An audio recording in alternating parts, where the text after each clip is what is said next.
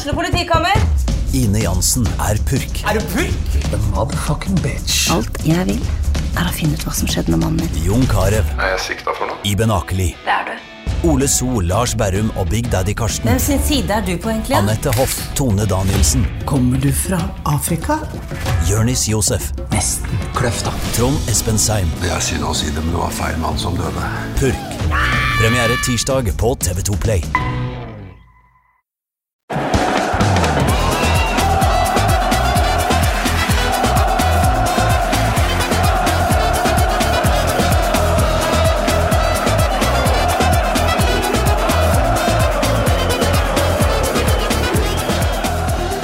Hei og velkommen til sesongens nest siste ordinære episode av eh, Pyro og Pivo. Så um, hvis du har kalenderen framme, så skjønner du allerede at sesongen er litt uh, strukket i år.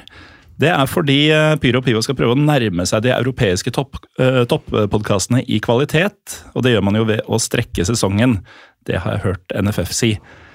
Mitt navn er Morten Galaasen. I dag så har jeg med meg um, den stadig omreisende og tilbakevendende Josh Di Placito. Velkommen. Tusen takk. God dag. Når du dukker opp eh, her i studio, så har du som regel vært på en eh, litt spesiell tur. Eh, Intet unntak denne gangen heller. Ja, nettopp. Jeg liker jo å tenke at jeg egentlig ikke har så mye fotballkompetanse når jeg Mm. dukker opp her. Så, da, så er det reisekompetansen som jeg leverer med mine Ja. innslag her. For det er jo en, en advarsel til lytterne, bare når de ser navnet ditt egentlig, i episoden, at det blir ikke sånn tunge mengder fotball i dag. Eh, Men det blir noe, det kan vi love. Det blir det. Eh, Det gjør det jo stort sett, selv om vi bruker jo egentlig det at du er på en fotballkamp på turene dine til som en unnskyldning for å prate om alt det andre på turene dine. Men um, sist du var her, tror jeg, det var da du hadde vært i Libanon og Syria i fjor. Stemmer det? Du holder deg til den uh, arabiske og muslimske verden, for uh, hvor har du vært nå? Eh, Denne gangen har jeg vært i Tunisia. Eh, Jeg har jo oppdaget at eh, etter jeg var veldig fascinert av Øst-Europa i mine 20-årene, så har det kommet så langt at jeg har reist til nesten alle landene der borte. Og så måtte jeg utvide horisonten, og da Mhm. begynte det å bli litt mer Midtøsten. Det har blitt litt mer tilgjengelig nå, føler jeg kanskje, enn det var de her for fem-seks år siden. Og eh, man må jo hooke av noen, liste, eh, noen land eh, på lista. Ja, for du er den typen som teller land, og som skal ha den counten så høyt som mulig? Ja, men jeg ville ikke nødvendigvis sagt at jeg tar det ekstremt seriøst. eh, At jeg, eh, jeg har hatt noen diskusjoner med noen folk her og der hva som kan telles som land, og hva som eh, ikke kan telles som land. Men jeg er ikke så opptatt av at jeg må til f.eks. alle verdens land. Det er jeg veldig klar over at det Nei, for det er jo noen land som rett og slett ikke frister noe særlig. Som ikke, altså Når man tenker summen av hva man må betale, tid man må investere, forarbeid og sånn, bare for å få et land, hvis, hvis det ikke er noe som trekker ved det. Ja, nettopp. Altså, jeg husker da jeg begynte å reise sånn ekstremt eh, mye, for i 20-årene mine så var det sånn at jeg prøvde å fokusere på et visst område, og når man eh, som sagt med Øst-Europa da har begynt å eh, vært til alle disse land, så kan man selvfølgelig utvide horisonten litt. Ja, og er det tilfeldig da, fordi jeg også har jo Øst-Europa og Midtøsten som to av mine hva skal vi si, spesialfelt her å ta i, men eh, som jeg er mest interessert i og mest lysten på å utforske videre. da. Og selv om det er, altså, en serber og en um, palestiner er ganske forskjellige folk, men det er likevel eh, Jeg føler det er en slags rød tråd i å være interessert i det ene og i det andre. Mm, Jeg ville sagt at eh, hvis du fokuserer på eh, Øst-Europa mye, så er det jo mest historie, hvert for uh, mest historie sånn de cirka siste 100 år. Eh, altså østblokk eh, og um, eh, kommunisttiden er det litt mer i, ja, i nåtidens eh, historie, mens eh, Midtøsten det er jo på en måte det samfunnet som vi lever, eh, lever i nå, også i Vesten, har på en måte oppstått. ikke Mm. sant? Mm. kalender eh, som vi bruker, den er basert på eh, basert på et 2000 år gammel kalender, og historien eh, og samfunnet egentlig ble jo på en måte stiftet eh, til en viss grad i Mesopotamia for Mm. eh, flere tusen år siden. Så, Ikke sant? ja. Ja, så det er jo um, oldtidshistorie um, mot nyere historie, kanskje, som um, Hvis man maler med en veldig brei pensel, som du gjorde nå. Um, min sammenligning gikk mer på det at det er steder hvor det er litt sånn her, dette elementet av fare, på en måte. At det er um, mye konflikt i både Øst-Europa og i Midtøsten. Det er en del um, regimer som uh, man fra hvert fall vårt vestlige perspektiv uh, ofte setter spørsmålstegn ved. Og um, gjerne da folk som man kanskje, i hvert fall jeg opplevde da jeg så på nyheter og sånn som liten, opplevde f.eks. Bosnia og Israel som fryktelig langt unna. Helt annen verden. Uh, og det er det jo kulturelt, men så er det liksom en tretimers flytur med med Norwegian så er du på plass i eh, Sarajevo. Fire timer fra Kjøben så er du i Amman. Det er ikke så langt unna som, eh, som man tenkte som yngre. Det er, eh, som du sier, mer tilgjengelig. Og så er det jo et dypdykk i um, helt andre kulturer på, på en halvdags reise. Ja, nettopp. Altså, vi er jo kanskje litt mer vanskeligstilt i Norden, at man der må mer eller mindre alltid må bytte fly hvis du skal litt mer, til litt mer eksotiske land. Mm. Men som du sier, det tar jo helst ikke mer enn en halvdag for å komme seg dit allikevel. Nei, ikke sant. Men du var jo Vi kan jo ta litt om deg først. da. Altså, Vi har jo dekka at du er glad i å reise. Men um, det er jo en fotballpodkast på papiret fortsatt, dette her. Og du er jo glad i fotball? Ja, fotball, fotball er jo Jeg har jo blitt født inn i en Ikke nødvendigvis en fotballfamilie, men inn i selve sporten. Jeg var fem måneder gammel da faren min, som er tysk, og jeg er jo født i Tyskland Jeg var fem måneder gammel da jeg ble tatt med på min første fotballkamp. Eh, og så er den andre halvdelen av meg er engelsk, eh, og det er jo også et eh, ganske stort fotballkultur. Selv om jeg mm. ikke er så ekstremt glad i engelsk fotball lenger, som jeg var da jeg var veldig liten.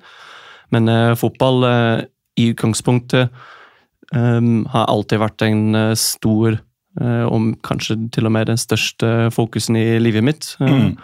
Og de siste årene hvor det kanskje har blitt litt mindre fokus på selve sporten og idretten, så har det fokusert kanskje litt mer rundt på det sosiologiske rundt uh, fotballen. Hvordan kultur uh, i, både i forskjellige land og i forskjellige byer og klubber, hvordan den blir påvirket av fotball. Mm. Og det er jo en god grunn til at uh, fotballen er verdens mest populære sport. og jeg syns det er veldig veldig interessant å se hvordan det, denne fotballen har blitt til den sporten som den er, og hvordan den har påvirket samfunnet rundt seg i alle forskjellige land og mm. verdensdeler. Og der er jo fotball, og dette har jeg jo sagt til kjedsommelig i årevis nå, men fotball er jo en fantastisk sånn, inngangsport til å forstå og bli kjent med folk når man er ute og reiser.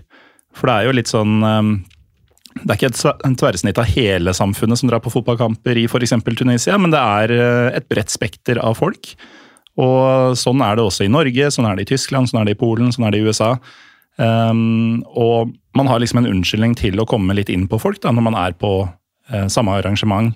Eh, dulte bort til sidemannen og spørre litt om eh, hvorfor piper de nå, eller liksom sånne ting. Så er man, er man litt inne og får mye gratis som reisende hvis man faktisk er fotballinteressert. sant til dere som eventuelt ikke liker fotball i det hele tatt. men Josh, du, du er jo tysk, som du sier. Jeg hadde jo en tysker her som snakka med litt aksent for ikke så veldig mange uker siden. som holdt med et VFL i, eh, i Tyskland. Det gjør du også, men eh, ikke det samme. Jeg holder med det riktige farfeil, for å si det sånn. ja. Nemlig Bochum. Bochum. Og så kom du jo til Norge for en del år tilbake og falt for et annet eh, blått lag, dessverre. Ja, da er vi jo kanskje fiender på papiret, i hvert fall. Mm. Men det er Vålerenga som, som er mitt norske lag. Det, da jeg flytta til Norge, så hadde jeg ikke så veldig mye kjennskap om norsk fotball, bortsett fra kanskje det Rosenborg gjorde på slutten av 90-tallet, tidlig 2000-tallet. Mm. Uh, og så endte det opp med at jeg flyttet uh, til en studenthybel som var uh, et lite steinkast unna Ullevål stadion. Så da var det veldig lett og enkelt å bare begynne å dra på Vålerenga-kamper. Så det har jo utviklet seg til, til mitt norske lag, i hvert fall. Mm. Sogn eller Kringsjå? Sogn, faktisk. Mm. Ja. ja. det er virkelig et steinkast. Ja, det, det, er rett over motorveien. Nettopp. Det, det, det, tok tre minutter over den gamle røde broa der. som mm nå dessverre blitt revet. Så nå er det, det er, i mitt tiende år nå i Norge. Mm. Så ja. Mm. Og når man er så lenge i Norge, så må man jo komme seg ut med jevne mellomrom. Vi nevnte jo at du, forrige gang du var her, var du i Syria og Libanon. Litt lavere vanskelighetsgrad kanskje på den turen du har vært på nå, men du valgte altså Tunisia. Um, første spørsmålet blir jo hvorfor? Uh, Det syns jeg egentlig er ganske interessant, fordi uh, min reisefølge som jeg dro med til Tunisia nå, var også den samme som jeg dro til Libanon og Syria med. Mm. Og han må bare hilse til han, Patrick. Han er også historieinteressert og lærer, akkurat som deg. Da vi var i Libanon, så lærte vi relativt mye om fønikerne, mm. som det vil hete på norsk. Og de er jo Dette er et var et gammelt folk som oppstår sånn cirka to 1500 år før Kristus i det som i dag er Libanon. Mm. Eh, men de ble jo da drevet ut eh, fra Levanten eh, opp gjennom årene, og da er det da sånn at de ble da på en måte flyktninger og endte opp med å settle down i det som i dag er Tunisia. Mm. Så The Phoenicians slash Phoenicerne de endte med å stiftet da en veldig stor by som heter Cartago. Og da vi snakket om å dra på en tur sammen, så syntes vi at det ga veldig mye historisk mening å fortsette der uh, fønikerne avsluttet. Så, uh, og Hvis noen sitter og hører på nå og tenker shit, jeg er sulten, jeg lurer på om jeg skal gå og spise ute i dag, så um, er det jo en liten kjede blitt med libanesiske restauranter i Oslo-området. Fins en i Lillestrøm og en i Bjørvika, nemlig Fenikia. Uh, Top notch libanesisk uh, i hvert fall etter norsk eh, standard. Og navnet, etter at det du sa nå, eh, forklarer seg litt selv. Det har jeg faktisk ikke fått med meg det hele tatt. så man Kanskje det er en liten lunsj eller senlunsj eh, der. Ja, der er det både grillretter og mese, altså akkurat sånn som man forventer av en god midtøstensk restaurant. Og selvfølgelig, riktignok på flaske, men de har libanesisk øl. Og arak og libanesisk vin. Og vin er jo for så vidt også noe du er opptatt av. Uh, vi kommer jo til turen din eh, i Tunisia, men uh, blir kanskje fort, fort et steg ned vinmessig når du drar til Tunisia etter Libanon og Syria? Ja, det er nok et uh, mye mindre vinland, det stemmer nok. Uh, når det kommer til uh, vinen som de produserer der, så er det fortsatt relativt likt i stil mm. til libanesisk vin. Først og fremst så har du et relativt uh, varmt område sammenlignet med um, Hvis du bare sammenligner Tunisia og Libanon, eller Midtøsten og Nord-Afrika. Men uh, Tunisia er uh, faktisk også ganske grønt, hvis du ser på selve et topografisk kart av Tunisia, så er det ganske mange deler i noe som er relativt grønt. Mm. Så det er ikke bare sand og ørken som man kanskje ser for seg. Så det er en gode eh, område for å dyrke relativt, eh, relativt eh, godt vin. Eneste er at det ikke er blitt markedsført såpass veldig stort. På, mm. I hvert fall ikke på samme måte som libanesisk vin. Det fins noen tunesiske viner i sortimentet til Vinmonopolet. Men jeg er allerede litt overraska over Tunisia, fordi jeg så for meg kun sand. Uh, mer eller mindre. Litt fjell, kanskje. Men uh, grøntområder uh, er ikke det jeg forbinder med det. Nå har ikke jeg vært der selv. Men tilbake til spørsmålet om hvorfor Tunisia. Altså, har du vært i um, f.eks. Marokko og Egypt? Jeg har ikke vært i Egypt, men Marokko har jeg besøkt, ja. Så grunnen, en av grunnene til å besøke Tunisia var jo da for å følge fønikernes historie. Men uh, er, det, er, det, andre grunner til at det ble Tunisia spesifikt, og ikke Egypt f.eks.? Eller Algerie, for den saks skyld? Uh, Algerie og Libya, de andre to landene i eh, det som da kalles for Maghreb-beltet, er jo rett og slett vanskeligere slash umulig å besøke for tiden. Mm. Libya er kanskje selvforklarende, og Algerie er ikke veldig turistvennlig. Det er nok mulig å få turistvisum innimellom, men uh, kompisen min som jeg dro til Tunisia med, og han har prøvd seg på visum til Algeria, og de bare nekter. Ja, Det er ikke sånn superstabilt? Uh, Nei, ikke heller. Det er nok altså, Det er jo det som er så fint med å reise, egentlig, at uh, sånne situasjoner kan veldig fort endres. og Hvis du hører på den episoden om ett eller to år, så kan det hende at Algeria har åpnet opp litt mer. Eller mm. det kan også hende at de har stengt med enda, enda mer. Men eh, Tunisia ble det denne gangen, eh, med fotballkamp på programmet. Men eh, hvordan kommer man seg til Tunisia i 2023? Det er jo Historisk sett så var Tunisia jo et fransk koloni, så da er det lettest egentlig å fly via Frankrike. Og det gjorde vi også med Oslo, Paris og Tunis. Air France? Uh, oui. ja. Du må riktignok via den forferdelige Charles de Gaulle, men Det ble ikke så veldig hyggelig hjemtur, for å si det sånn. Eh, Hva skjedde? Ja, Det ble en to til tre timers forsinkelse pga. Uh, vær. Riktignok så har jeg ikke noe uh, har ikke Charles de Gaulle-flyplassen noe å si når det er veldig dårlig vær, men mm. mitt første og forhåpentligvis siste opplevelse var ganske negativt. Ja, Får håpe det blir siste, fordi negative opplevelser de oppleves ganske regelmessig av reisende som må via Paris, eller til Paris, av en eller annen grunn. Visste du at folk reiser til Paris for å være i Paris uh, frivillig? Ah, det er sjukt. Uforståelig. Helt, ja, uforståelig. helt vilt. Ja. Um, uansett, um, Tunisia er valgt. Du har uh, rutinert reisefølge i form av Patrick, i hvert fall. Var det flere til? Stemmer det. Også Hannes, som er en tysker kompisen min, som har også reist med en del mm. til i forskjellige land opp gjennom uh, årene. Det er litt merkelig åssen man um, jeg også har litt sånn forskjellige reisekompiser som jeg bruker til forskjellige typer turer. på en måte. Har du det også sånn? Eh, absolutt. Da, da, ser du at jeg sitter her og nikker, fordi det er, sånn det, er, eh, det er noen personer som man kan reise med, ikke bare fordi det er lettest å reise med dem, men også mm. fordi eh, man har denne eh, gentleman's agreement, at eh, ting fungerer som det fungerer i land som kanskje er litt mindre enkelt å reise i. Eh, og den uh, vedkommende der forstår kanskje litt mm. enklere at uh, når man reiser til sånne steder som er litt mindre uh, turistifisert, så kan det innebære at man må At man må sette, sette, seg litt mer inn på selve reisen, sånn at mm. det ikke bare blir en selvfølge å ankomme dit. Ja, ikke sant. Og så er det jo det at uh, når man drar på denne type tur, så er det også er reisefølget innforstått med at da blir det en del sånn historiske og kanskje litt sånn for andre kjedelige type um, steder å besøke og ting å gjøre på tur. Um, mens hvis man hadde dratt en gjeng til Praha f.eks., så hadde man hatt helt andre uh, forutsetninger og um, forventninger og gjerne da også en annen type folk som ble med. Dette lærte jo jeg egentlig i ganske sein alder. Ehm, jeg var nesten like gammel som du er nå, eh, og det er lenge siden. Jeg var 29 år gammel. Det første gang jeg var i USA. Da var vi fire stykker på en roadtrip, og heldigvis var vi ikke tre.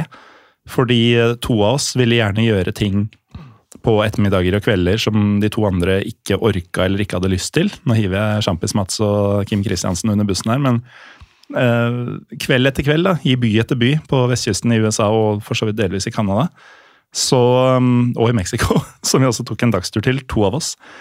Så var det sånn at um, Vi hadde gjort ting på dagtid, og så var de to litt kjørt og ville heller henge på rommet og se litt på serier. og sånn, Mens jeg og Heine, da, som har vært med i noen episoder, um, doktor Fusa denne uh, rekordsettende lite fotballinteresserte gjesten jeg har hatt i et par episoder, fra Belarus og, um, og Polen, uh, blant annet.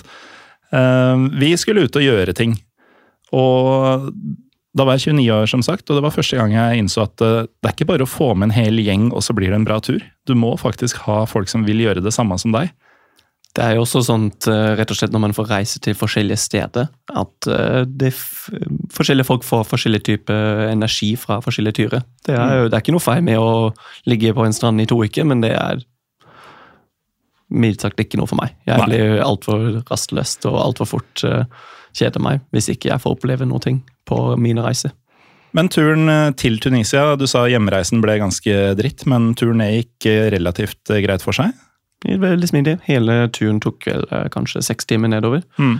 Det som vi ble litt overraska på, at når vi fløy ned fra Paris og landet i Tunisia, så var Hvis du ser på et kart her, så flyr man jo da sånn cirka sør-sør-øst, så litt, uh, litt, nedover og til høyre. Mm. Men uh, tidssone uh, de følger da ikke noe daylight savings times i Tunisia, så vi måtte jo stille klokka tilbake. Selv om man ikke bytta tidssone, eller? Ja. De mm. følger, det er kun ett land i Afrika som følger daylight savings time, og det er da Egypt, faktisk. Mm. Så ingen av de andre land gjør det. Så mens vi har sommertid i Europa, så er det samme tiden i Norge som det er i Frankrike. Mens i Tunisia så er det samme tid som i England, selv om de mm. egentlig ligger litt lenger østover. Tyrkia også bestemte for noen år siden seg bare for å slutte med sommertid, vintertid. Så um, der er det én eller to eh, timers forskjell, avhengig av når på året du drar. Eh, Tyrkia skal vi for så vidt komme tilbake til i slutten av episoden, men eh, Eh, ankomst, da. Hva, hva, trenger man? Er det noe visum og innreiseskjemaer og sånn, eller er det bare å møte opp? Du trenger et pass som er gyldig i jeg ville sagt seks måneder mm. eh, fra ankomstdato, og så får du stempel. For det gjelder nok for de fleste europeiske pass, og mest sannsynligvis også Nord-Amerika og eh, sånt. Så det mm. gikk ekstremt smidig. Tunisia er jo kanskje litt mer kjent for den type ferie som da gå til en uh, halvøy eller øy som ligger litt lenger sør i landet, som da heter Djerba. Mm. Den er veldig kjent uh, blant mange tyskere også, uh, og der går det veldig mange fly dit. Så det er relativt enkelt å reise til Tunisia i utgangspunktet, men de færreste ville jeg sagt hadde da valgt å dra til Tunis, som da er hovedstaden. Ja, og der har vi jo noe vi må ta tak i med en gang. fordi nå er det kanskje ikke så mange igjen av dem, men det var en gang i tida mange folk som trodde at landet het Tunis. Eh, og at det på en måte var sidestilt med navnet Tunisia. Men eh, landet er altså Tunisia. Eh, hovedstaden er Tunis, litt sånn som Algerie og Alger. Ja, um, viktig for folk å vite. Så når du sier Tunis, så mener du altså hovedstaden, en spesifikk by, og ikke, ikke, landet generelt. Men apropos landet. Um, du, vel, du, er jo typen som gjør litt forarbeid og sånn før, før du reiser. Hva forventa du på forhånd I utgangspunktet så, så jeg var en eh, slags kombinasjon av eh, Marokko, som du nevnte. Vi snakket jo om Maghreb-land. Det er jo mm. ganske mye mer fransk innflytelse. sammenlignet med da Libanon, selv om historisk sett og kanskje kulturelt så er de landene relativt like, så er det ganske mye mer fransk innflytelse i, i Tunisia. Og det var mm. egentlig min hovedforventning. altså Min skolefransk den er litt rustent. men jeg hadde forventning at det blir relativt mer, mye mer fransk enn det var i Libanon, f.eks. Mm. Um, ellers så er Tunis ikke nødvendigvis en hovedstad som har én spesifikk ting uh, som man skal besøke, bortsett fra da Kartago-ruinene, som ligger ett ja, et mil cirka uh, mm. utafor byen. Men ja, har, har, du vært i Jordan? Nei, ikke ennå. Da jeg var der, så um, endte jeg opp med, og det var hele reisefølget enige om, eh, for øvrig mitt faste Midtøsten-reisefølge med Roy og Stefan, jeg tror du har møtt begge to, faktisk, um, var enige om at uh, hovedstaden, uh, Amman, den er sånn ikke det helt store, på en måte. Du kan selvfølgelig plukke ut noen restauranter og områder og severdigheter og sånn, men som by så er den ikke noe å skryte av. Mens landet generelt er helt fantastisk. Um, høres ut som det er litt på vei dit egentlig med landet Tunisia og byen Tunis også. For vi skal jo få med at du var ikke bare i én by på denne turen. Nei. Det, det ble jo da en relativt uh, ja, en extended langhelg på fem dager slash fire netter.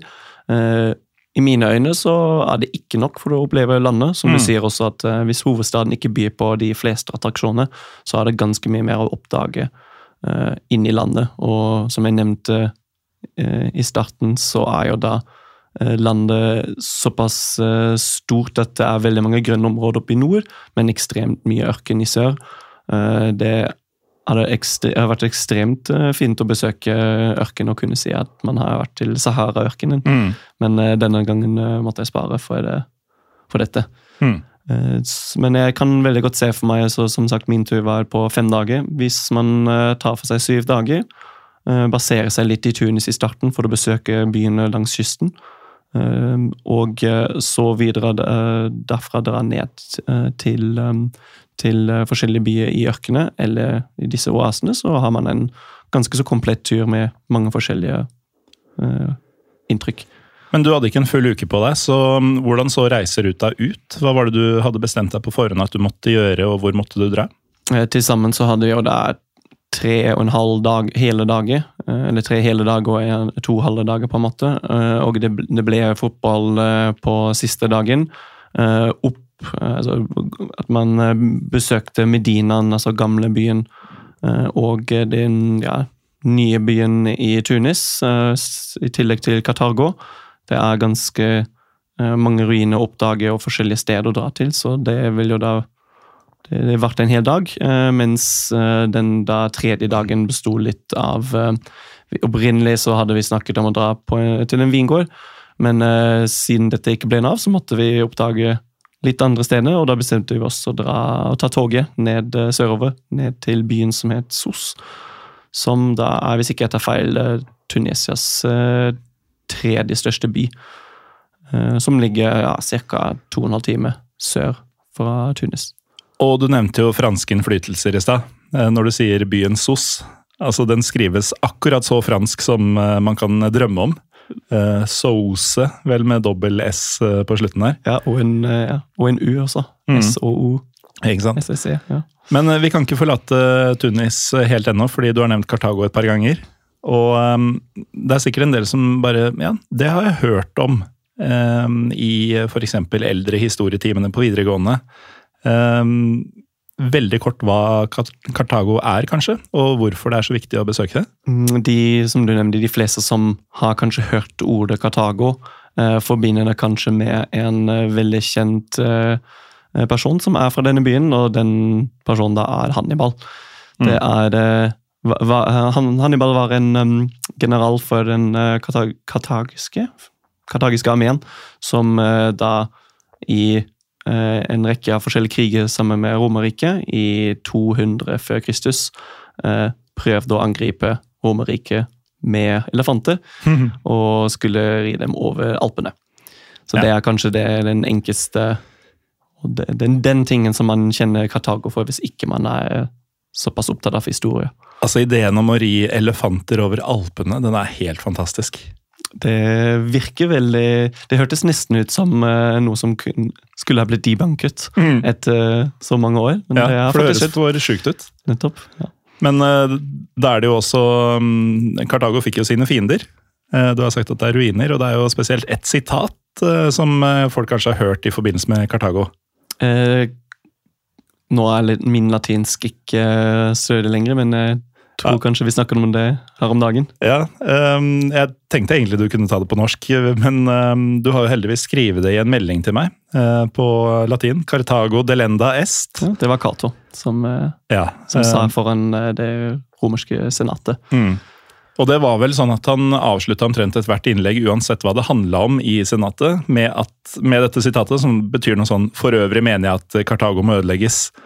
Uh, sånn, vi kan snakke om interne melkeskatter, liksom, men for øvrig så mener jeg at Kartago må ødelegges. Uh, ødelagt blei det jo for så vidt. Du omtaler det som ruiner. Uh, Kartago var da som sagt en by som ble stifta i det syvende århundret før Kristus. Og etablerte veldig tidlig stor, en ganske stor flåte og en presens i Middelhavet. Det er det som i dag er Nord-Afrika langs kysten, deler av Iberia-halvøya slash Spania, eh, og hele veien ned til Libya og Egypt. Mm. Eh, så mer eller mindre der fønikerne kom fra opprinnelig. Eh, og da Romerriket begynte å vokse, så begynte det jo å oppstå visse clashes mellom mm. de to store imperier.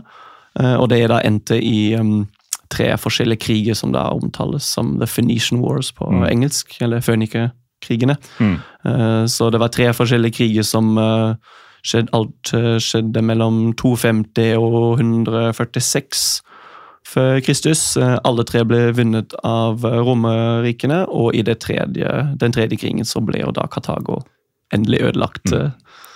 Romerikerne vinner kriger, vet du. Mulig jeg droppa en R eller to der, men Um, uansett, du har, um, du har ankommet uh, Tunisia, du har gjort uh, ditt forhåndsarbeid, og du har innsett at Tunis by ikke nødvendigvis er, um, er stedet å forbli alle disse dagene. Men jeg føler at etter den Kartago-avstikkeren, så må vi bare for ordens skyld bare nevne fotball. Du skal på kamp seinere, det kommer vi til. Men hva visste du om tunisisk fotball før, før du dro ned, og ikke minst før du dro på kamp? Eh, I utgangspunktet så hadde jeg hørt kun om eh, to klubber. Som, begge, som, de fleste andre, tror jeg. Det, det er nok det. Stemmer mm. det. Det er um, eh, da to store klubber fra hovedstaden Tunis. Eh, den ene som heter da Esperance Tunis, og mm. den andre som heter Club African. Esperance betyr vel håp, tror jeg. Stemmer det. Mm. Og Club African, den afrikanske klubben. Nettopp. Enkelt ja. å oversette. Men de er jo ikke bare to store klubber i Tunisia, det er jo to av de største klubbene på det afrikanske kontinentet. Begge har vel vunnet um, uh, den afrikanske Champions Leagueen uh, flere ganger. Hvis Mm. ikke etter feil, så har Klubb Afrika vunnet den én gang, og var til og med første lag fra Tunisia som vant den. Mm. Mens Esperance har vunnet uh, uh, CAF Champions League fire ganger. Ja. Så det er um, svære klubber og um, altså Vi har ikke gått inn på tall her nå, men Tunis er jo en svær by også.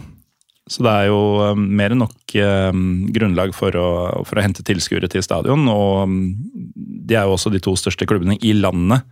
Um, uten at Du blir jo ikke ekspert av å gå på én fotballkamp, men jeg vil jo tro at uh, dette er to klubber som folk i hele landet holder med. Ja, mest sannsynligvis. Uh, altså Tunisia uh, til sammen har uh, rett i overkant av 11 millioner innbyggere, og i Stor-Tunis så bor det ca. to millioner mennesker. Mm. Så som du sier, det er et godt grunnlag for å skape to veldig veldig store klubber som på en måte overskygger de fleste andre klubber i landet. Og da har vi nevnt fotball, så da kan vi gå tilbake til alt annet. Um, Hvordan uh, tilbringer du de dagene du sa fotballen kom på siste dag? Det passer jo bra i dramaturgien her. Um, Hvordan tilbringer du de neste dagene i uh, Tunisia? Min eh, største, mine største greier når jeg eh, reiser, er jo mat. Mm. Eh, Jeg er bare ekstremt opptatt av å smake alt som er rart, alt som vi ikke får tak i her hjemme. Eh, Selv om du, hvis du nevner, nevnte det Funnik-stedet Mm. der, at eh, det, det kommer jo veldig mye mat til Europa, men jeg føler at Du det får de trygge variantene. nettopp og ikke det som eh, kanskje beskrives eh, det, det som kanskje ikke ville konsumeres i Vest-Europa av forskjellige grunner. Ja, du får, eh, jeg kan si med en gang du får ikke balle i tomatsaus eh, på Fennikia i Lillestrøm. Eller i Bjørvika, vil jeg tro. Mest sannsynligvis ikke. Nei. Nei. Men uh, i Tunisia så fikk du smake litt forskjellig. Uh, ja, altså Om ikke den, nødvendigvis balle i tomatsaus. Ikke denne gangen. Um, I Nord-Afrika så er maten ganske mye sterkere enn i resten av uh, ja, Midtøsten, eller det som da på en måte er den islamske verden. Mm. De bruker mye, uh, bruker mye mer chili enn uh, alle andre steder. De liker også å uh, påstå at de har den sterkeste maten. Opplevde en god del sterk mat, men det var ikke ekstremt sterkt. Mm. Ellers er det relativt uvanlig, syntes jeg, for dette muslimske muslimsk eller Midtøsten slash land, at de har, hadde veldig mye hevet brød. Fordi det er noe som du ikke får så mye av i f.eks. Libanon. Der er det jo aldri hevet brød. Nei, da er det jo flate brødtyper, lavasj og sånne ting. Um, Mens i eh, Tunisia uh, var det jo da ganske mye, og det vil jeg jo veldig gjerne tenkt at, uh, at det er franskmennene sin skyld. At da, Mm. det, da kommer det veldig mye bagett og forskjellige typer Ikke nødvendigvis hvitloff som du ville få tak i her i Norge, men uh, i hvert fall hevet brød, som Mm. allerede er litt grann utenom det vanlige, ville jeg sagt. Ja. Um, så litt sterkere enn annen Midtøsten-mat og hevet brød er det som uh, skiller seg fra, fra andre land i, i den kulturelle delen av verden. Litt mer kylling øh, enn jeg hadde først hadde antatt også. Eh, Man tenker jo ofte at det er relativt mye lam, uh, lammekjøtt eh, involvert i eh, kjøkkenet fra Nord-Afrika og Midtøsten. Eh, Og det var for så vidt eh, relativt eh, mye la å få i tak i, men hovedsakelig så var det rotisserie chicken, Hmm. som de fleste nå vil jeg ikke kalle det for en kebabsjappe, fordi det hørtes kanskje litt nedlatende ut, men i forskjellige typer shawarma og kebab. eh, Gatekjøkken. Ja. Um, men du nevnte du prøver å spise de litt rare tingene også. Fikk du tak i noe spesielt rart på denne turen? Eh, ikke noe spesielt rart, bortsett eh, fra lammekjøtt eh, som eh, Som vi ikke klarte å fordøye så veldig godt. Men det er sånn en klassisk sånn reiserisiko som man tar i seg når man drar til Når man spiser mat fra gatekjøkkenet i litt mindre bereiste land. I uh, Tyrkia, eller kanskje ikke i, blant tyrkere, men blant uh, Tyrkia-turister, så kaller man det The Sultan's Revenge når maten du spiste kvelden før gjør opprør eh, dagen etter. Um, Innbiller meg at det er det du sikter til uh, her. Um, men var det, um, altså, var det god mat? Kulinarisk sett så ville jeg ikke sett uh, over libanesisk mat, for å si det sånn. Nei. Um, Men det. Libanon er jo feinschmeckerne innen den islamske verden også. Det er sant, men der, der var det kanskje litt vanskelig å dra til hvilket som helst land eh, etter eh, Libanon. Mm. Jeg tenker også med, Hvis man sammenligner eh, alle de fem Maghreb-landene, så er nok tunesisk mat eh, på samme, nivå, eh, på samme nivå som eh, alle de andre, bortsett fra Marokko. Marokko er jo relativt kjent for sine uh, lamb tagines og Mm. kylling tagine og sånt. Uh, mens jeg ikke nødvendigvis ville påstått at Tunisia har uh, en helt unik rett. Uh, matrett som Nei, det er um, retten som kommer, som spretter inn i mitt hode når jeg hører Tunisia. Og den er jo ikke unikt tunisisk, men det hevdes at det er tunisiere som kom opp med det. Det er shakshuka. Eh, Som Interessant. Er, eh, det så jeg ikke på noe meny i det hele tatt. Nei. Nei. Nei, altså den er jo Jeg smakte jo min første i, i Israel. Um, og har jo spist det litt rundt omkring, og lager det ofte selv, for så vidt. Det er mye enklere enn folk tror, kanskje. Um, men jeg har hørt gjentatte ganger at det er tunisiske jøder eller tunisiske utvandrere som har tatt det med seg østover. Um, men det betyr jo ikke at det nødvendigvis har blitt igjen. Men jeg, jeg tror uh, det, det virker som de fleste er enige om at uh, utspringet er, uh, er tunisisk. Uh, men hvis det ikke er en gjenganger på menyen der, så har ikke det så mye å si. Men uh, ja, um, det er det første jeg tenkte på. Og så har du jo, som du sier, Marokko er jo kjent for couscous og taginer. Um, ja, mens Tunisia blir litt mer sånn spørsmålstegn. Um, men hva med, hva med drikkevarer? Vi er jo interessert i både Pivo og andre ting i denne podkasten. Og det er jo litt varierende i um, arabiske land hvor tilgjengelig og hvor vanlig det er med, med den type drikke. Eh, Det er eh, akkurat samme spørsmålet stilte vi oss også da vi eh, ankom dit en onsdag kveld. Det var ikke vanskelig å oppdrive øl i utgangspunktet. Det fins ikke nødvendigvis mange butikker som selger øl, men det fins jo i, i veldig mange land i Midtøsten, og til og med også Tyrkia og sånt. Så fins jo da Carrefour, som er da en fransk eh, Mhm. butikk, ja, sånn supermarket-type kjede, Mm. som da selger alkohol. Eh, mens på restaurant i Tunisia så er det kun eh, lov med å servere alkohol innendørs. Med unntak av hvis du bor på, en, eh, på et sånn femstjerners hotell eh, ute på disse øyene. Så Mm. hotellanlegget er vel unntatt eh, denne Ja. regelen. I tillegg til det så fant vi ut på den eh, litt eh, vanskelige måten at eh, det heller ikke er lov å servere alkohol på fredager. Som da Nei. er muslimenes uh, helligdag. Muslimenes søndag. Søndag. som det. Ja, Så det var null? Altså det, Null. Ingen servering av den typen noe Nei, sted? de, de barene som vi eh, gikk forbi eh, på onsdagen og torsdagen, og som vi hadde besøkt også på de, disse to dagene, var helt stengt på Mm. fredagen. Uh, igjen, det, det, det kan være en sånn sannhet med modifikasjoner, men det som vi ble fortalt av de fleste lokaler som vi snakket med, så var det sånn at fredag så er det null sted å få alkohol, med mindre du bor på disse vestlige hotellene som, eh, som da ofte er en del av eh, eh, charter, eh, Mm. sånn charterturistpakke. Eh, hvis jeg skjønte det også riktig, eh, så er det heller ikke sånn at de eh, storhotellkjedene får lov til å servere alkohol. Nettopp fordi de, ikke, fordi de også er tilgjengelige for lokalbefolkningen. Mm. Men det kan også igjen være et unntak. Der. Men dette er litt overraskende, fordi um, foreløpig så har det hørtes ut som et ganske liberalt uh, og avslappa land når det gjelder um, religionen. Men altså total tørke på fredager. Det, det jeg også stusset over, og det jeg ikke visste, av, uh, visste om i det hele tatt fra før Så nå har jeg vært i en, en del uh, land, eller muslimske land, uh, både i ja, Nord-Afrika og i Midtøsten. Mens i Tunis på morgenen, sånn ca. kvart over tre, så ble vi jo vekket av dagens første bønnerop. Eh, Det hadde jeg ikke vært borti før at det kom så tidlig. For, eh, og det hadde også Reisefølge fortalt, eller nevnt at han trodde at det kun var andre uh, bønder som de faktisk roper ut for, men ikke kvart over tre på morgenen. Ja. Og det er jo da den første av de fem som Mm. uh, muslimene egentlig skal følge. Det er, det er en fascinerende verden der, fordi jeg har nevnt det flere ganger at uh, da vi var i Jordan, så måtte man jo på sånne liquor stores for å få kjøpt eh, alkohol. Det var ingen eh, supermarkeder eller butikker som solgte det, det var egne butikker, men de var til gjengjeld ganske eh, lette å finne eh, regelmessig. Og så var det servering på restauranter og barer som vanlig. Um, og bryggeri besøkte vi også, for så vidt, i utkanten av byen. Um, men så har du sånn det var jo egentlig mer liberalt der enn i Norge på mange måter. Fordi du kunne kjøpe til alle døgnets tider, og du kunne drikke på gata hvis du ville og sånn. Um, og i Tyrkia så husker jeg var um, Jeg var i Istanbul en sommer uh, da jeg studerte tyrkisk, faktisk. Um, begynner å bli en del år siden det også.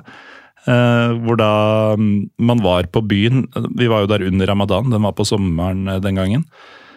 Og da var det sånn at man var på et en nattklubb, altså diskotek, hva du vil kalle det, hvor folk drev og dansa og drakk og sånn. Og så stopper DJ-en faktisk musikken sånn halvtime, 45 minutter før første bønnen.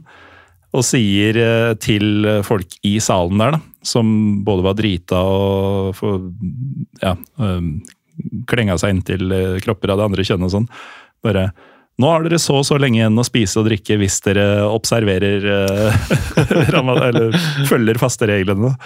Uh, kjempegøy. Ja, nei, det, det er nok Og så bare var musikken på igjen. og sånn. Ja, da hadde de fått advarselen sin, de som brydde seg. Og det var midt på natta? Midt på natta. Ah, okay. ja. Så da, ja, la oss si klokka var halv tre, da. Og så skulle første bønnen kanskje være kvart over tre, som, sånn cirka. Mm. Um, men tilbake til din tur. Um, du fortsetter å være i Tunisia, reise litt rundt, uh, spise mat og drikke, drikke. Uh, og se ting. Eh, ja, så eh, som, som, jeg nevnte nå flere ganger, så var det jo Katago som på en måte er den hovedattraksjonen som mm. ligger rett i utkant ut, ut av byen. Uh, I tillegg til det så uh, fins det så kan, finnes det et veldig stort uh, amfiteater som er veldig godt uh, ivaretatt. Uh, det fikk vi dessverre ikke besøkt, eh, fordi toget ditt kjører kun eh, to ganger om dagen. Og det mm. ligger fem timer sør i, fra Tunis. Ja. Du er ganske fanga hvis du misser eh, siste toget, da. Veldig. Så vi, vi hadde sjekket ut i forveien hvor ofte toget går og hvor, når den kjører tilbake, men det hadde vi ikke kunnet forsvart. Å ta toget ned dit og være der en hel dag og komme tilbake. Mm. Så dette er amfiteater for de som er interessert og kanskje vurdere en lengre tur dit, uh, burde absolutt besøkes. Det heter El Gem. Mm. Det er også, hvis ikke jeg tar feil, stedet der uh, veldig mange um, Hollywood-filmer og sånt har blitt spilt inn, blant annet Gladiator.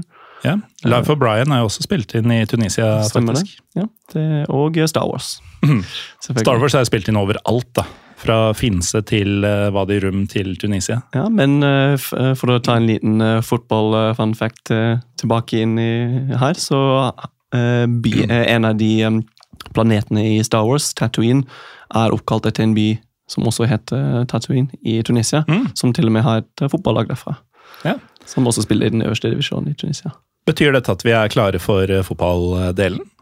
Ja, jeg tenker det, ja. ja folk har venta i 41 minutter. Så jeg tror vi har klart det bedre før med lengre tid uten å nevne fotball i det hele tatt. Vi var jo litt sånn sporadisk kontakt mens du var på tur, eh, Josh. Og hvis jeg husker riktig, så havna du på en annen kamp enn den du egentlig hadde tenkt deg på? Eh, ja, stemmer det. Um, så vi hadde vel opprinnelig sett for oss uh, å dra på Esperance-kamp. Mm. Uh, det var litt vanskelig å finne ut i um, i forveien hvor og når kampene skulle spilles. Uh, mens uh, da vi fant ut at dette, siden sesongen nærmer seg slutten, så fant vi ut at i playoff-spillet, som de da dessverre har i disse veldig kompliserte tider med fotball, hvor mm. du har forskjellige playoff, eh, championship playoff og relegation playoff. Tror jeg det er ny rekord i komplisert, faktisk. Ja, jeg setter deg linken til Wikipedia-artikkelen til ja, jeg, Tunisian Football i går. Jeg har prøvd å kikke litt på det, men jeg har egentlig gitt opp å forstå. Eh, vi kommer sikkert dit, men eh, det, det, var ikke bare bare å finne ut når kamper gikk, og hvem som faktisk skulle spille når og sånn? Det, det endte faktisk opp med at de flyttet kampen noen dager i forveien. Mm. Og vi skjønte ikke det hele tatt hvorfor det hadde blitt gjort. Vi fant ikke noen pressemelding på nettsidene til Esperance hvorfor det hadde blitt gjort, så det ble da Klubb Afrikan istedenfor. Mm. Um, som sagt, dette var en eh, relativt avgjørende playoff-kamp. Eh, Klubb Afrika spiller vel egentlig kampene sine i nordvest-Tunis, i Stad El Mensa. Eh, jeg ville anbefalt alle å søke opp dette stadion, fordi det har et ganske unikt arkitektur. Alle tribunene består av eh, kvadrater som ikke er kobla sammen. Mm. Så det er, veldig, det er et relativt stort stadion på 40-ish 45 000 tilskuere. Men hvert eneste, ikke bare tribune, er, altså, men hvert eneste felt på en måte er egne kvadrater som er ved, rett ved siden av hverandre. Så det ser på en måte ut som en kanskje dårlig bygget stadion på Lego-brikker. Altså, det høres ut som en eh, kanskje enda verre versjon av eh, Maximir i eh, Zagreb.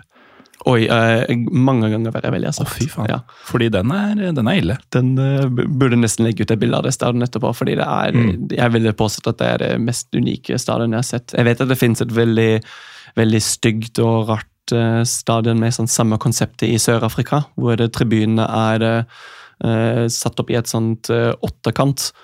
Men jeg ville påstått at Stadion Mensa slår det hele her.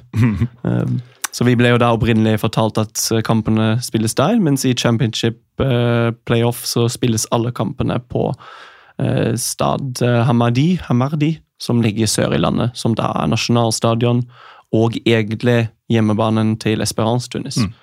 Altså sør i byen. Ja, ca. En eh, halvtime med bil sør, Mm. sør fra Tunis. Det, jeg tror faktisk den ligger utenfor eh, selve hovedstaden. Ja. Så det er litt sånn som når eh, New York Giants spiller eh, NFL-kamper i New Jersey. Ja, nettopp. Ja.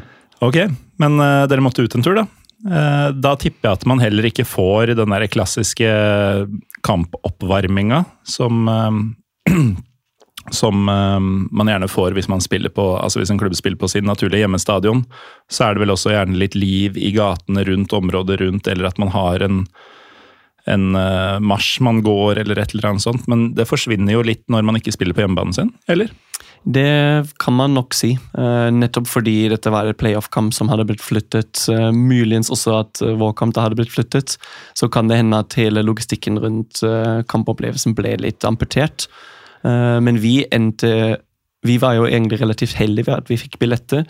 Og at vi ikke kjørte til feil stadion. Fordi eh, på dag, kampen skulle spilles eh, 16.30. Eh, og på dagtiden, etter vi var ferdig med frokost, så husker jeg at vi skulle um, uh, gå og ta ut penger fra en minibank, og plutselig så står det, vitsi, si- eh, står det han som drev uh, uh, ja, Airbnb-leiligheten som vi hadde leid, står ved siden av oss, som vi ikke hadde sett på noen dager. og Han eh, spurte oss hva vi skulle, og vi fortalte han jo at vi hadde tenkt å se fotball. da, Klubb Afrikan. Han var jo selvfølgelig Esperance-fan, så han var ikke så kjempeglad for det. Han hadde anbefalt oss å dra ut av byen og se den andre kampen, men den var dessverre litt for langt unna. Mm. Men han fortalte oss jo da at de ikke eh, selger billettene på stadion. Vi hadde jo egentlig tenkt å Bare bare møte opp? Bare møte opp. Mm. tenkte det er aldri utsolgt, fordi um, Stad Hamadi, eller Olympic Hamadi stadion, har vel rett i overkant av 60 000 eh, plasser. Ja, for jeg har sett noen videoer derfra som du har sendt, og det er jo ikke fullt. Nei, det var ikke det. Jeg ville anslått at det var kanskje 25 000. Mm. Hele eh, øvre seksjon bak målene var helt stengt. Det handlet til og med verken sete eller det, eh, ståplasser. Det var bare en tom tribune, for å si det sånn. Mm. Men stadion der den ble åpnet for 20 år siden, og blant annet eh, eh, hosta Afrika-cupen i 2004, Mm. eh, har jo på et eller annet tidspunkt vært eh, utsolgt og sånt. Men dere møter helt tilfeldig på utleieren deres eh, ved minnebanken? som egentlig ikke støtter laget som vi hadde lyst til å se. Og det redda egentlig kampen for dere? Ja. Eh, Han da ringte til en kompis som da var Klubb Afrikan-fan, og han sa dere må dra til eh, Klubb Afrikan sitt eh, treningsanlegg. Mm. Eh, Og ved treningsanlegget så er det jo da en fansjappe. Eh, Så vi tenkte ok, det var veldig heldig at vi faktisk eh, kom oss i den situasjonen. Så vi, det vi gjorde da, vi eh, tok, eh, vi tok en eh, drosje dit. Så endte vi opp å gå inn i klubbsjappa der, hvor vi ble fortalt at det ikke selges billetter her allikevel. Så det begynte, da begynte jo klokka å tikke, og tror jeg at det var klokken eh, ett eller halv to. Um, så vi begynte å bli litt sånn smånervøse at vi ikke skulle rekke kamp. Men uh, på denne fansjappa ble vi også igjen fortalt uh, at det ikke selges billetter utenfor stadion. Og i hvert fall ikke Så det, dere må da dra til Stade Mensa, hjemmebanen deres, der de selger billetter. Mm. Så dette begynte jo å utspille seg til et uh, litt mer komplisert eh, Og bare for ordens skyld, så um, det stadionet dere måtte dra til nå, det er ikke der kampen skulle gå. Nei, Det er det nettopp. egentlig hjemmebanen. Det er egentlig hjemmebanen deres. Slik jeg skjønte det, så var det den megastoren som vi besøkte, bare utsalgssted for uh, drakter og, og skjerf og Mm. sånn klassisk merchandise. Um, så nå nærmer klokken seg to, tror jeg. Eh, vi hadde opprinnelig tenkt at hvis vi er på stadion innen halv tre, så får vi sett hva som skjer rundt. Eh, og så, som sagt så tar det ca. en halvtime å kjøre ut dit eh, Mm. fra Tunis. Så eh, forlater vi klubbsjappa, der det er en del unge, unge tunisere som ser jo at vi tre Ikke er tunisere. ikke er tunisere, høye, hvite menn som ser litt, uh, ser litt lost ut, uh, som approacher oss og forteller oss at de har billetter. Mm. Og Det hørtes jo litt sånn skeptisk ut, men i den situasjonen som vi var i nå, så tenkte vi bare vi må jo egentlig Vi, vi skal i hvert fall ikke, ikke dra på kamp. Så vi må jo egentlig bare kjøpe billetter her og der, og så komme oss til stadion. Og så møtte vi der en eh, fyr som introduserte seg som eh, Aziz. Han eh, begynte å Han sa at han hadde billetter, og de kosta sånn cirka 60 dinar, som kanskje var 250 kroner. Mm. Vi syntes at dette var altfor mye for en billett, så vi prøvde jo på dårlig engelsk, fransk og til og med tysk å fortelle at vi trengte tre billetter til samme tribun, som ikke kostet eh, 250 kroner hver, fordi vi syntes at det var det virket litt skeptisk at det skulle være såpass dyrt. Så en dinar er uh, ca. fire kroner. Eh, hvis ikke jeg husker feil, så var Jeg tror det var rett i underkant av sånn mellom tre og fire. ja. Mm. Eh, Prisnivået i Tunisia for øvrig er relativt lave, men ikke, Ikke kjempebillig. ikke kjempebillig. nei. Så Alt er jo selvfølgelig billigere i eh, Norge, men det kronekurset påvirker jo på en måte også. eh, Ja, nå er ikke Norge altså Jeg husker en tid hvor man kunne reise hvor man ville i Europa og egentlig nesten den vestlige verden. Og ting var litt billigere enn man var vant til. Uansett om du reiste et dyrt sted som London eller New York eller uh, Sveits, for den saks skyld, så var det Det var aldri avskrekkende. Nå er jo alt dyrt. Det, det er faktisk sant. Altså De 20% som eh, kronen, eh, kronen har blitt eh, spakere opp gjennom de siste månedene, det merker man ganske godt. Eh, Men- en fun fact om den tu- tunesiske dinaren for, eh, forresten er at den eh, ikke kan eh, veksles i utlandet. Det er faktisk ulovlig. En lukka valuta. Lukka da nettopp. Mm. Så de Vi hadde også lest om at de kan eh, sjekke bagasjen din når du forlater landet, og Ja. konfiskere pengene. Ja, for du kan ikke ta det med ut. Nei, egentlig ikke. Mm. Um, men som sagt, eh, tilbake til billettene til kampene. Så eh, kom Aziz eh, tilbake etter hvert og hadde tre papirbilletter. På billettene så sto det jo da 20 dinar. Som da Hva er det? En tredjedel av det de Ja. sa. Sånn cirka, da. Um, uh, og så prøvde de å si gjenta igjen at vi har jo da um, Vi vil jo sitte sammen, eller stå i hvert fall sammen. uh, og at vi skal inn på samme inngang. Eh, og så hadde han disse tre billettene til 20 uh, din, din hver, så 60. Men han ville selge dem til 80. Så det ble jo en liten, det er en, liten forhandling, men eh, Avanse. ja, han måtte jo få en liten avanse, så vi tenkte først ok, nå er det, nå er det ca. halvannen time, to timer igjen til kamp, så vi må jo egentlig bare ta disse billettene. Men så er det jo også sånn at uh, veldig mange mennesker i Midtøsten er ganske gjestefrie.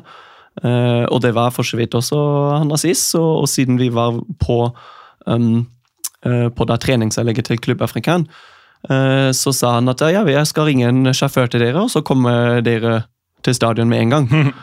Eh, mens i mellomtida så vi, vi trenger ikke å dra før klokken eh, 15.15 eller noe sånt. Eh, altså dette var en halvtime til. Og vi eh, var jo litt, eh, egentlig litt keen til å komme oss av gårde, fordi vi hadde lyst til å oppleve selve stemningen rundt Mm. eh, stadion og sånt.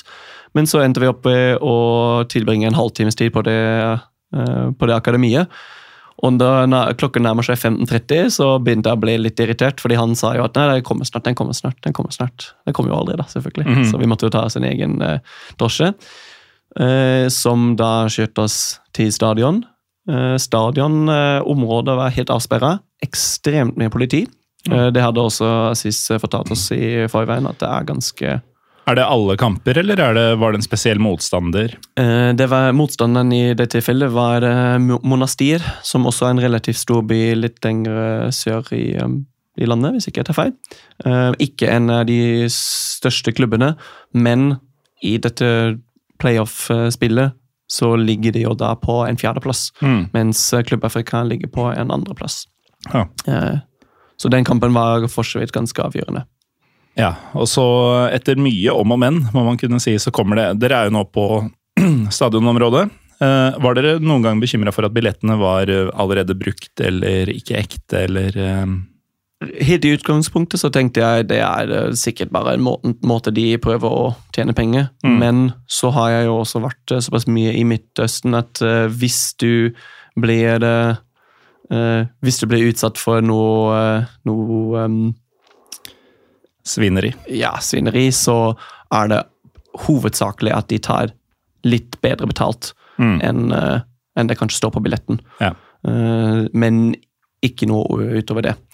Det som da endte opp med å være et problem, var jo da tidsspørsmålet. Vi Mm. dro ikke fra klubbanlegget før godt over halv fire. Kampen skulle begynne halv fem. Det tok en halvtime å kjøre ned dit fordi det var ganske mye trafikk. Og så var stadionområdet avsperret, som sagt, ekstremt mye politi. Og så var det sånn ca. fem checkpoints med politi, som da fungerte også som sikkerhetsvakter på stadion, Mm. hvor alle måtte gjennom. Uh, tusenvis av uh, Klubb Afrikan-fans. Jeg tror faktisk ikke at det var noen bortefans i det hele tatt.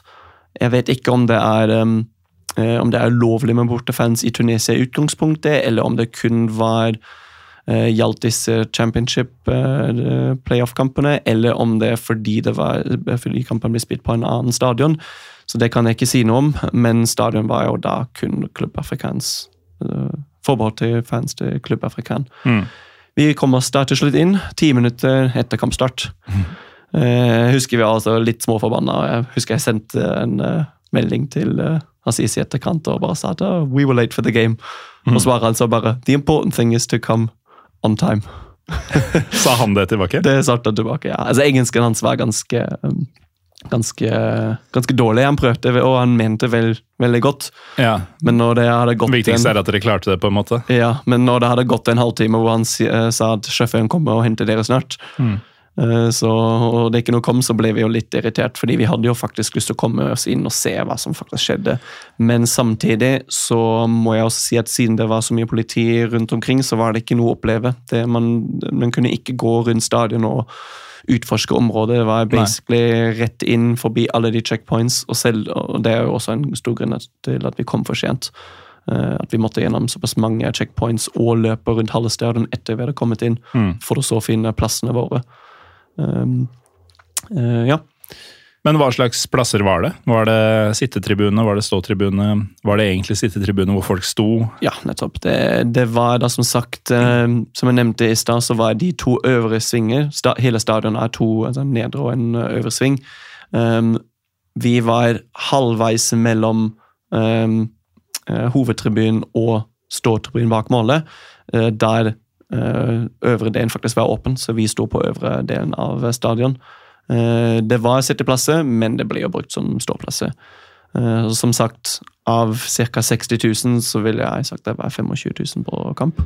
Og det er jo litt sånn eh, Vi nevnte jo at du er tysk tidligere. Jeg tror ikke folk har glemt av å høre deg prate, men eh, det er litt sånn Hertha Berlin-preg. For de har jo rykte på seg for å ikke trekke folk. Men faktum er jo at de er vel den fjerde største klubben i Tyskland eller noe sånt på, på tilskuere. Eh, Men det ser alltid, eller veldig ofte, glissent ut eh, der. Eh, Å trekke 25 000 er jo ganske bra. Men føltes det som det var mye folk der? Det føltes veldig mye. Det, det har nok også med akusti akustikken å gjøre med stadion. Det er en ganske stor tak. Fra utsiden så minner det altså, så minner stadion lite grann, bortsett fra at stadion har da en løpebane rundt seg. Men fra utsiden så ser stadion det er visse likheter med uh, Folks uh, Parkstadion i Hamburg. Mm. Så det er relativt uh, likt tak, bortsett fra at uh, den er relativt mye, mye mer rundere, for, for å si det sånn. Ja. Um, mens akustikken i selve stadion var ekstremt uh, Det var høyt, uh, høyt volum. Ja, for man forventer jo det når du sier at dere hadde sitteplasser, men folk sto. Mm. Og det er 25 000 der, og det er god akustikk. Ehm, og det er Nord-Afrika. Altså, man har jo sett videoer fra både Marokko og Egypt, eh, og du har jo eh, vært i Marokko. Um, hvordan, hvordan svarte stemning, atmosfære, sånne ting til forventningene her? Den var faktisk eh, svart på godt i overkant av det jeg hadde forventet. Oh. Ja, rett og slett, Jeg hadde jo egentlig bare tenkt at jeg skulle møte opp på stadion, kjøpe billetter relativt enkelt, for det har, det har jeg gjort i forskjellige, mange, forskjellige, land.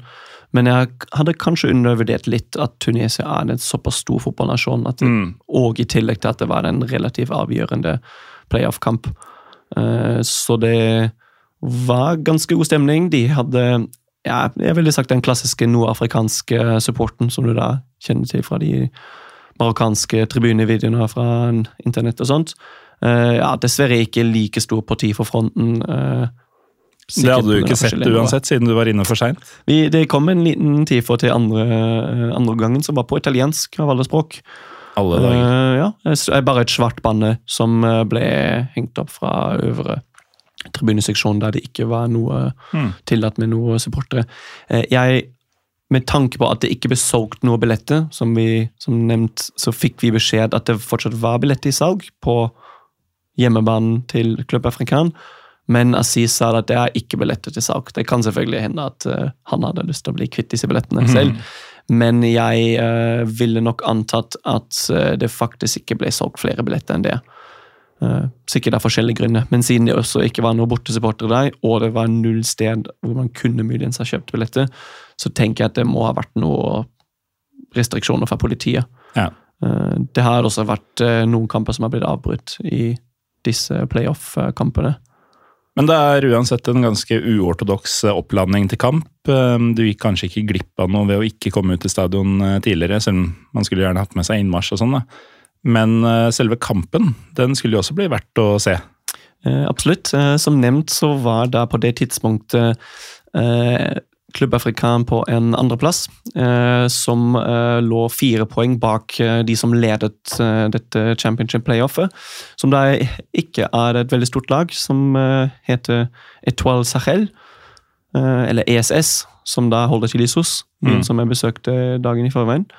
Um, Klubb Afrikan ligger da på fire poeng bak, og ett poeng foran rivalene sine, Esperance. Som for øvrig i dag spiller Klubb Afrikan mot Esperance. Jeg tror kampen begynner i, i femtida. Ja, vi, Nå er klokka to eh, her vi sitter. Uh, Så um, Kampen uh, var jo da på en måte såpass eh, spent fordi også Esperance spilte samtidig borte mot nettopp nevnte Etoile Sahel. Med en seier mot, eh, med, med en seier for Klubb Afrikan mot Monastir, samtidig som Esperance slår eh, Etoile Sahel, så hadde Klubb Afrikan kommet opp eh, eh, ett poeng bak eh, Sahel, da man da kunne ha dem utfordret dem til en eh, respektiv tittel. Mm. Men eh, nå har vi også snakket om at eh, dette playoff-systemet som de kjører i Tunisia, er såpass kompliserte. Ja. Så vi har faktisk ikke helt funnet ut om ligaen er over nå. Eller ikke. om den er avgjort eller om den er over. Ja. Det er faktisk helt sjukt. Altså, Ligaen består av 16 klubber, som i Norge. Stemmer det? Men der andre land med playoff-systemer har en hel serie først, så er den allerede fra starten av, tror jeg, delt opp i to. Ja, det er Åtte mot åtte. gruppe A og B, stemmer Mm. det? Og, Og så går de fire beste i hver til playoff championship group, mens de fire dårligste hver går til en sånn relegation group. de to siste i, la, eh, i begge de gruppene, altså begge de åtteplasserte, rykker direkte ned. Oh, ja. Mens da de andre tre, altså femte, sjette og syvende plassen for begge de to, går sammen i en eh, ekstra relegation, relegation Ja. playoff-gruppe. Så du har en, to, tre, fire forskjellige gruppespill, basically. eh, og det spilles da to kamper Mm. hver i disse gruppene. Trodde vi, da. Trodde vi. Fordi eh, enkel hoderegning eh, sier jo at i denne championship group så er det da åtte klubber. Det vil si sju eh, lag hvert lag skal møte. Sju kamp ganger to, 14. 14. Men nå er det altså, mens vi sitter her, spilt tolv kamper. Det bør være igjen to runder. Eh, ifølge flere av de eh, kildene jeg har sett på, så er det tilsynelatende bare én runde igjen å spille. Og av den runden så er mesteparten av kampene avlyst. Og så er det ikke noe mer.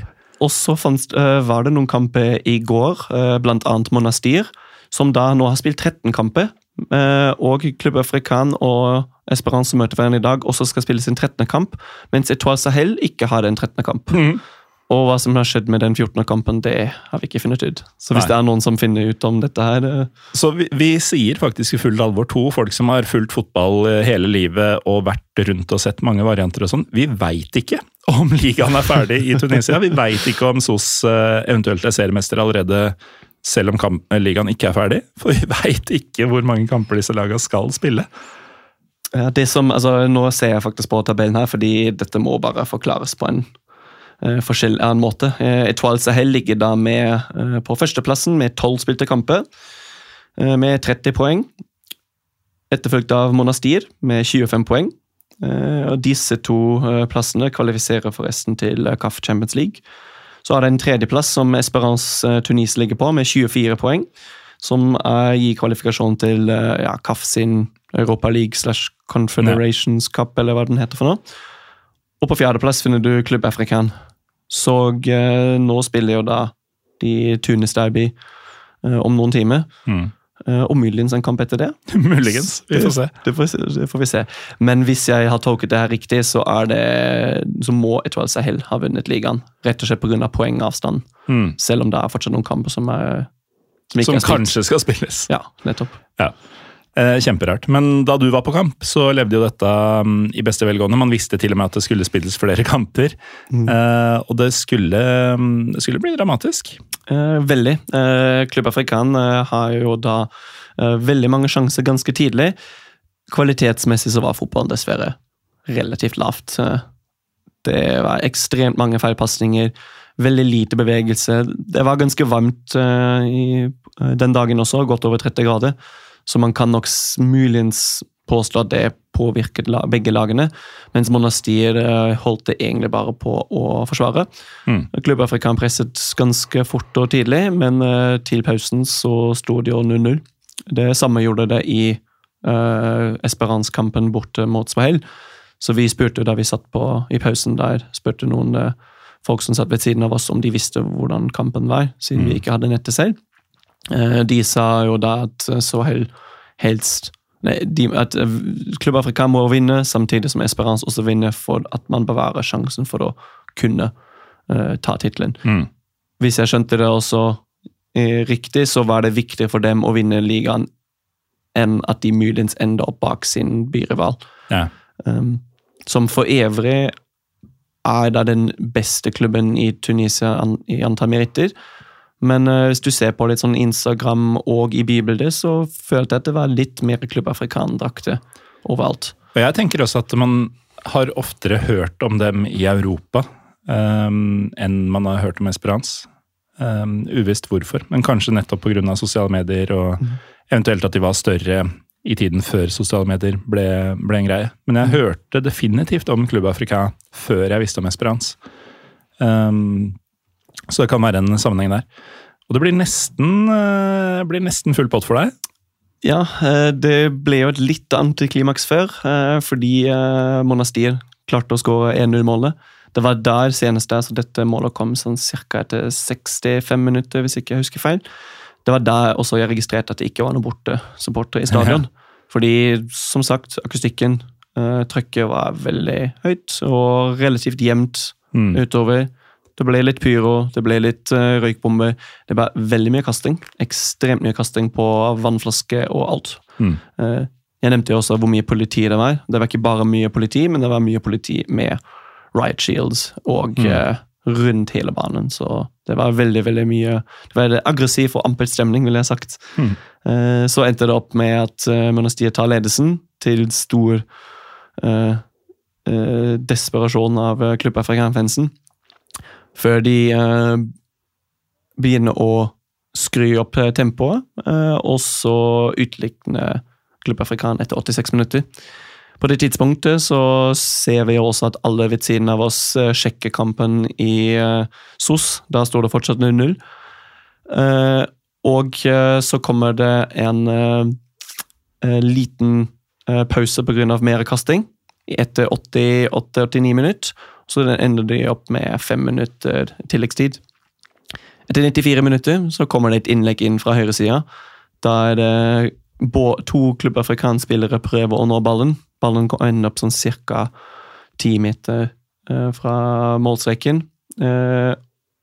ene spissen prøver å gå til en header, mens den andre prøver å ta en brassespark. Mm. Brassesparken treffer ballen. Ballen går en halvmeter over målet, men eh, kudos eh, for, å ta, for, å, for, å ta, et sånt På det tidspunktet. På det tidspunktet, som da hadde vært det, det seiersmålet i 94. minutt. Men så endte det dessverre 1-1. Mm. Alt dette skjedde jo foran dere, altså i deres hjørne. Stemmer det. Mm. Alltid en bonus, det. Så ja, det, det, var, det var ekstremt uh, man merket også frustrasjon selvfølgelig utover kampen, og egentlig så skulle uh, Klubb Afrikan vel ha slått uh, Monastir. Uh, samtidig så har Monastir prestert ganske godt. Uh, som jeg nå sa i stad, så har de jo også tatt over ledelsen, eller de har tatt over andreplassen mm. uh, etter de vant siste kampen. siste kampen sin. Mens nå ligger både Esperance og, Klubben Klubb Afrikan bak dem, så samtidig som klubben Monastir kanskje er mye mindre enn de andre lagene i Tunisia, så har de jo visstnok relativt mye kvalitet for det enda opp mm. i uh, afrikansk uh, klubbspill. ja, som de nå um, Altså, de går til Champions League, kanskje. De har muligens sikra det allerede. Det kan hende de mister det, og det kan hende at de um, befester det om en kamp eller to.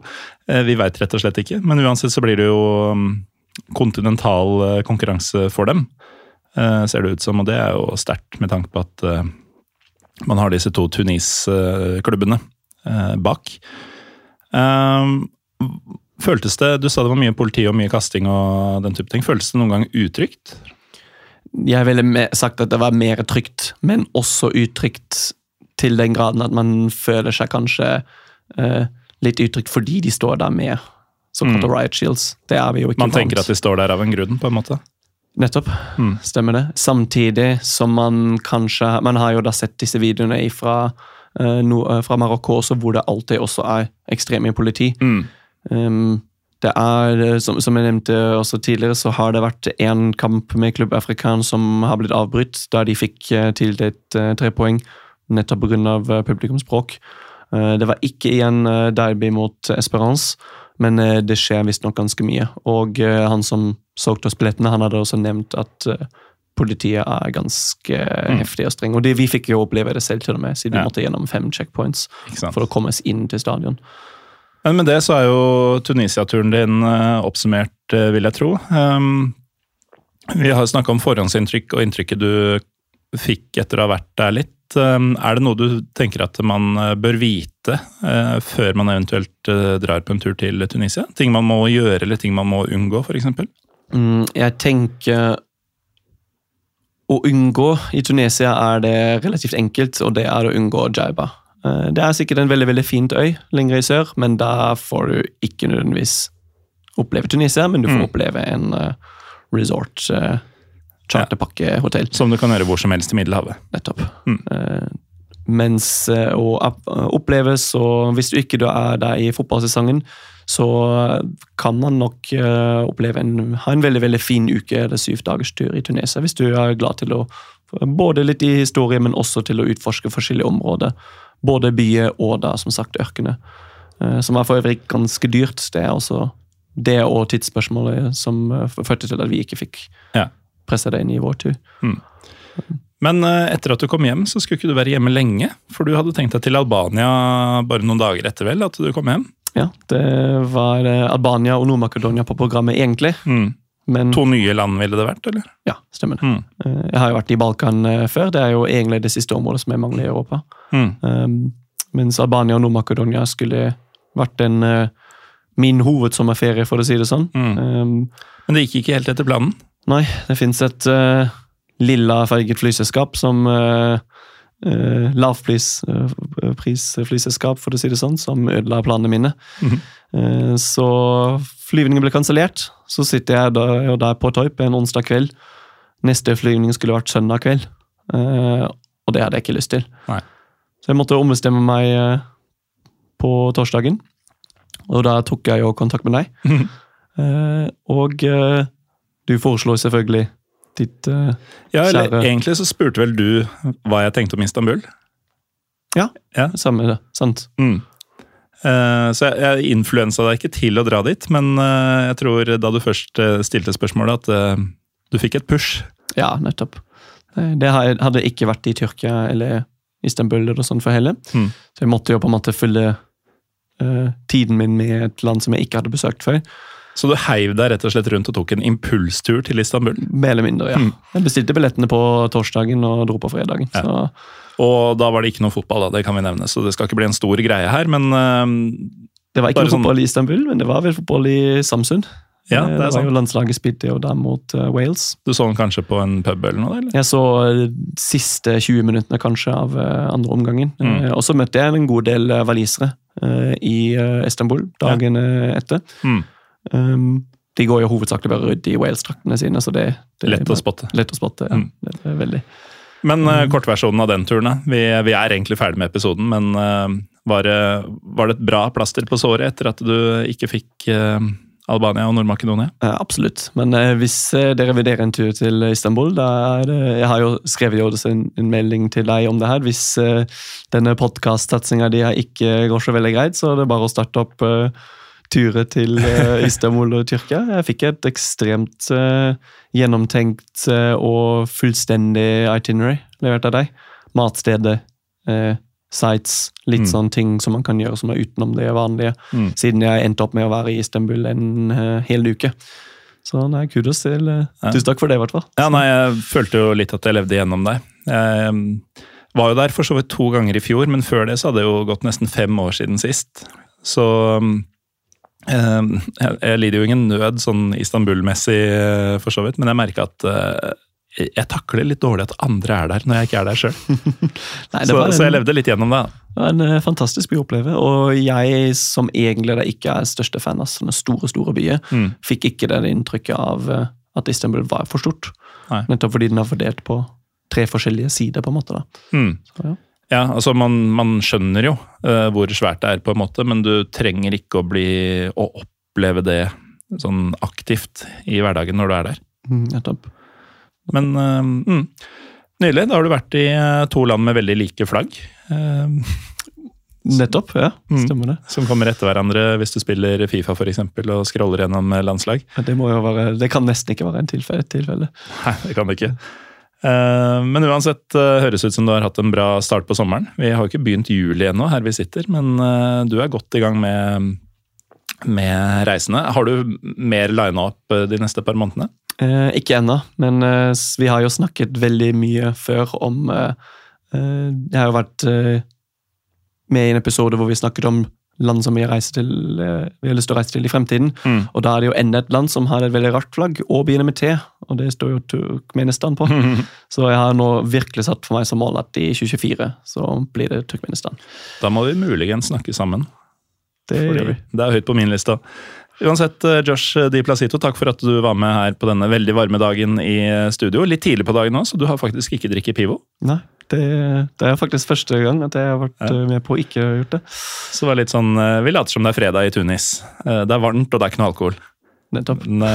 Jeg smugla inn et par på innerlomma. uansett, takk til deg, og takk til deg som hører på. Det er som sagt eh, nest siste ordinære episode for sesongen, dette her. Det kommer én til, pluss muligens, hvis ikke opptaket går til helvete på en live-ting, så kommer det en bonus også. Eh, uansett eh, hva som skjer, så heter jeg Morten Galaasen, og um, vi er PyroPivopod på Twitter og Instagram. Vi høres faktisk uh, neste uke, uansett hva som skjer med det liveopptaket.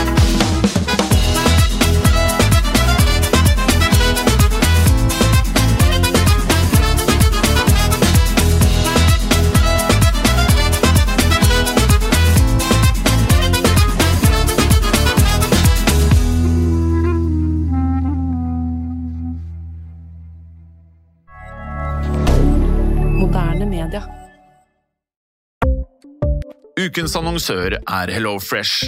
HelloFresh er verdens ledende matkasseleverandør og kan være redningen i en travel hverdag. Mange av oss har nok vandret i butikken både sultne og uten en plan for middagen, som ender med at vi går for de samme kjedelige rettene gang på gang. Middag burde være dagens høydepunkt. Som Hello Fresh kan du nå velge mellom 25 ulike retter hver eneste uke, eller få Hello Fresh til å sette sammen menyen for deg. Dette gir deg muligheten til å prøve nye og spennende retter alene eller sammen med familien. Du velger antall porsjoner og får alt levert på døren på et tidspunkt som passer for deg. Oppskriftene er enkle, og maten er lett å lage både for store og for små. Ved å få alt levert hjem får du også mer tid til å dele matgleden med familie og venner. Kanskje det frister med asiatiske tacos eller greskinspirert kylling? Da kan jeg anbefale deg om å gå inn på hellofresh.no. Her kan du bruke koden FOTBALL og få opptil 1779 kroner i rabatt på de første fem matkastene hvis du ikke har prøvd Hello Fresh tidligere. Du kan også bruke rabatten hvis du har vært kunde og stoppet abonnementet ditt for tolv måneder siden eller lengre. Gå inn på hellofresh.no og bruk koden FOTBALL.